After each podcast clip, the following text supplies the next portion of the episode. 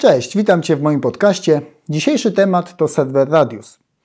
Zacznijmy od tego, co to jest Radius. E, to jest protokół komunikacyjny pomiędzy urządzeniami końcowymi sieciowymi, czyli przełącznik, punkt dostępowy i centralnym serwerem, który ma informacje o wszystkich użytkownikach i urządzeniach, albo tą informację może sobie skądś pobrać. Więc takie jest podstawowe założenie tego, czym jest lub czym powinien być system Radius. Kolejne takie ważne pytanie to po co się stosuje takie systemy? No przede wszystkim po to, żeby ułatwić sobie pracę i żeby zwiększyć poziom bezpieczeństwa. I o ile masz dwa urządzenia sieciowe i jesteś jedynym administratorem, to w zasadzie jesteś w stanie tu w miarę panować nad tym, co w tej sieci się dzieje.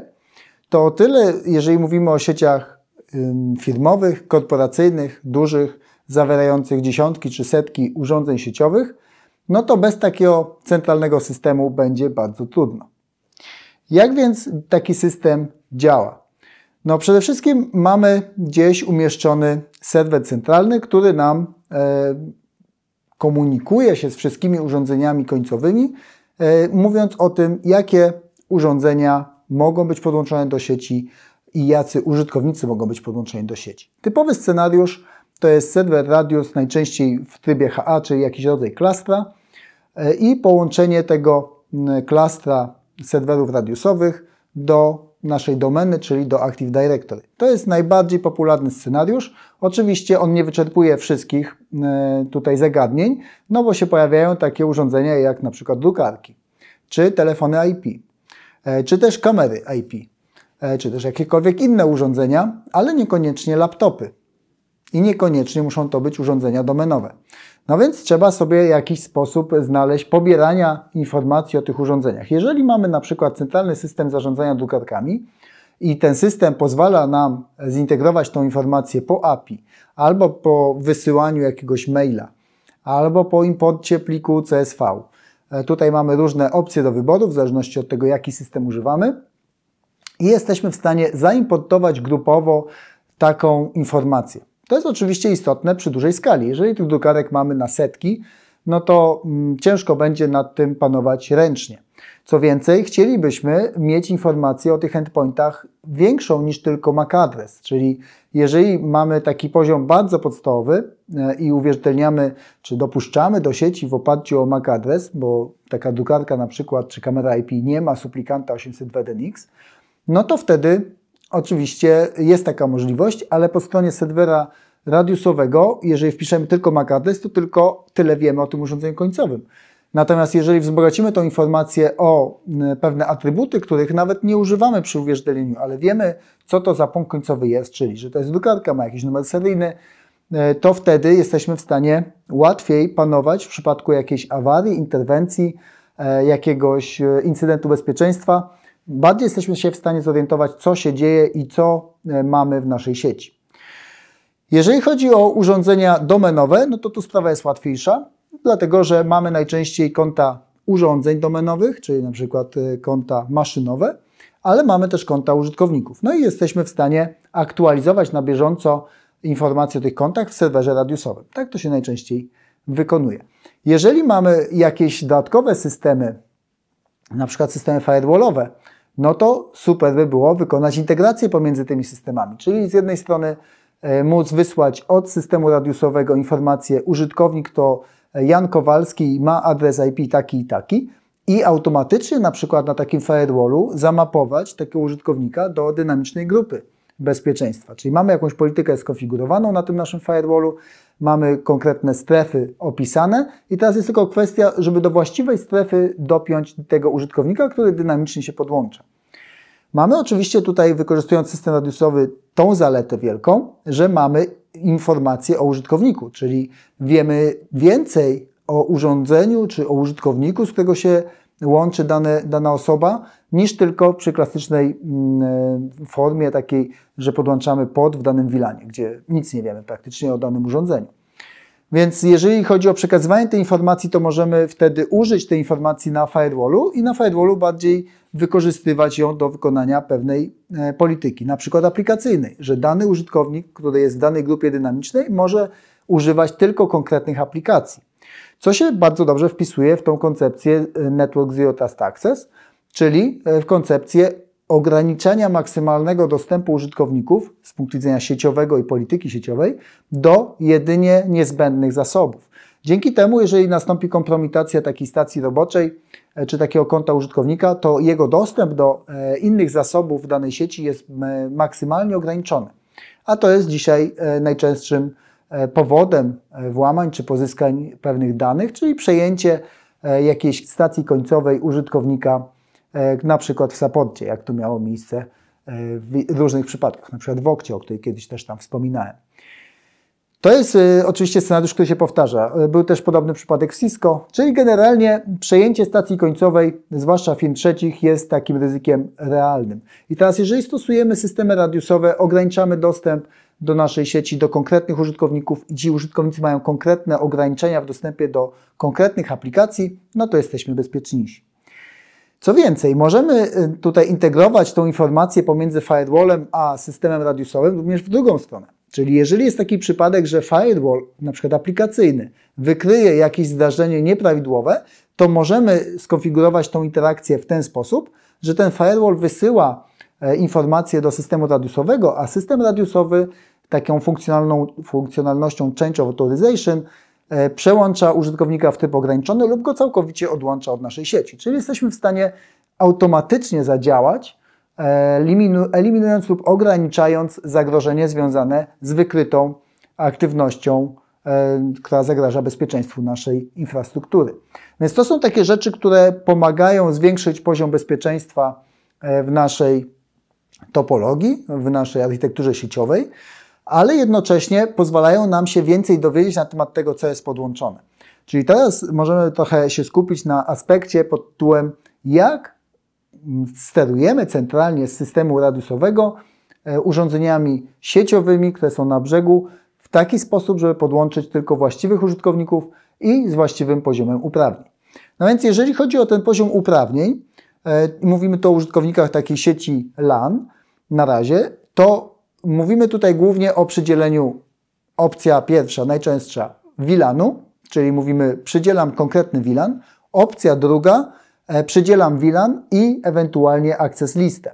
Czyli możemy powiedzieć, że jest możliwość przydzielenia takiego zespołu parametrów, e, które mogą być oczywiście trochę szersze, za chwilę o tym powiem, ale głównie chodzi o to, żeby powiedzieć, dobrze, tego użytkownika, ponieważ wiem, kto to jest, przydzielam do tego VLANu i ewentualnie zakładam access listę na przełączniku.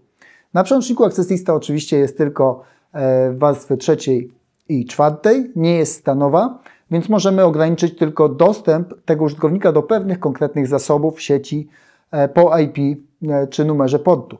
Ale to też już jest całkiem sporo, jeżeli mówimy o koncepcji, że my z punktu widzenia użytkownika końcowego chcemy mu udostępnić tylko pewne zasoby.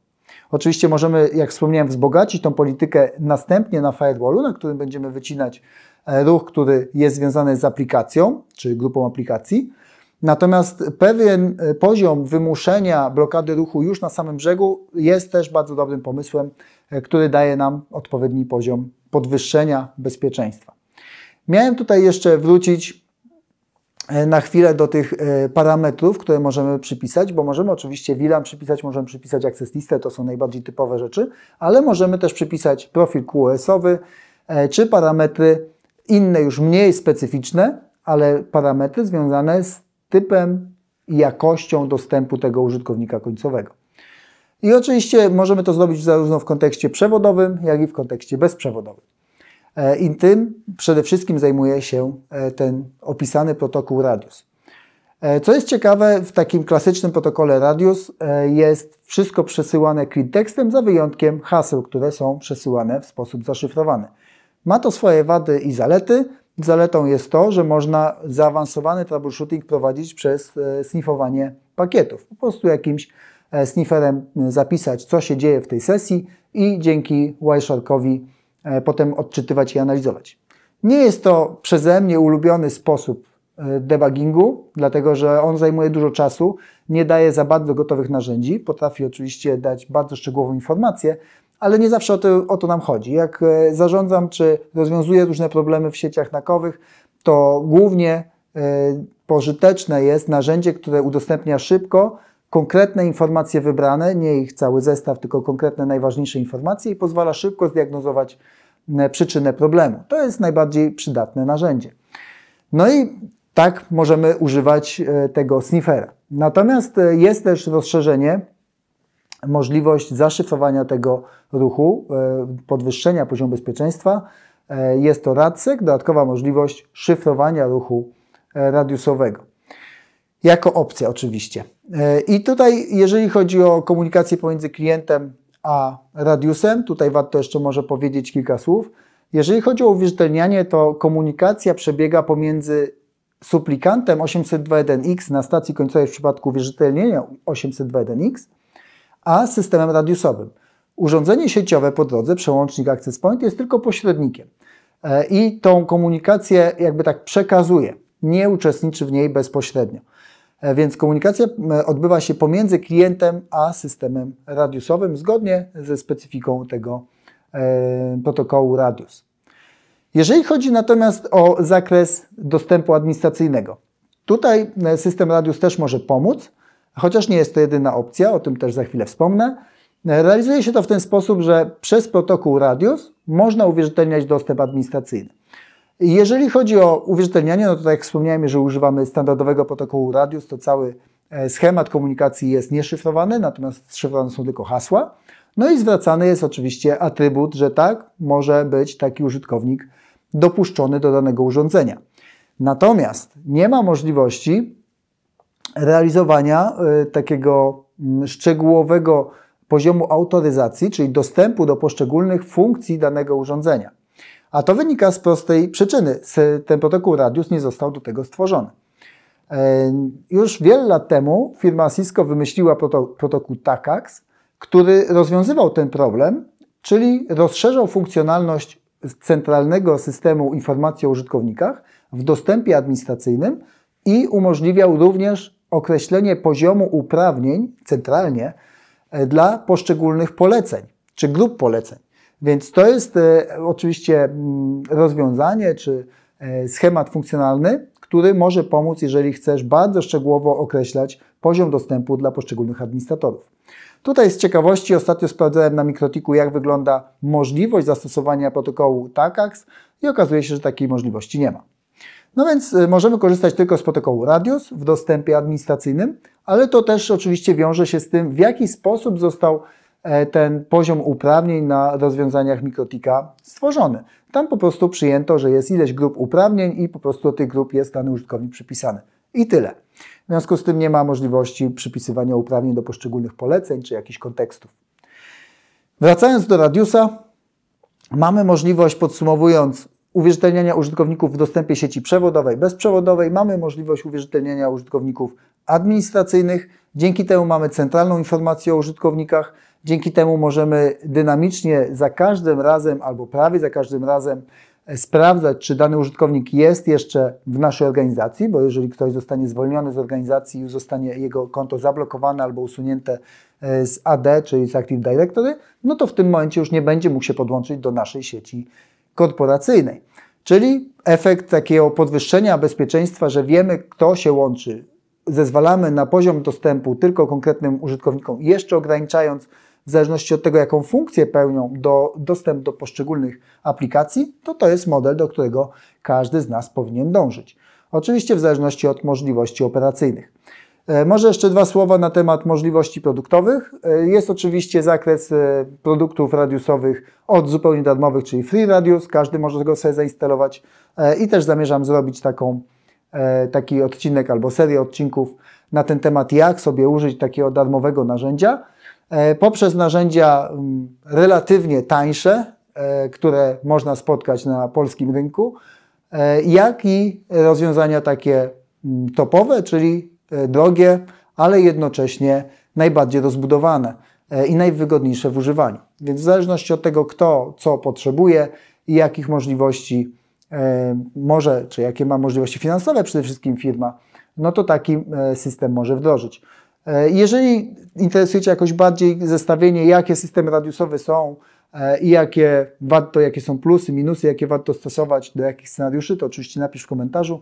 Zastanowię się, jeżeli będzie zainteresowanie, to mogę też o tym opowiedzieć, bo mam doświadczenie z różnymi tymi systemami e, i wiem, jakie mają plusy i minusy. Na dzisiaj to tyle. Dziękuję Ci za uwagę i do usłyszenia już za tydzień.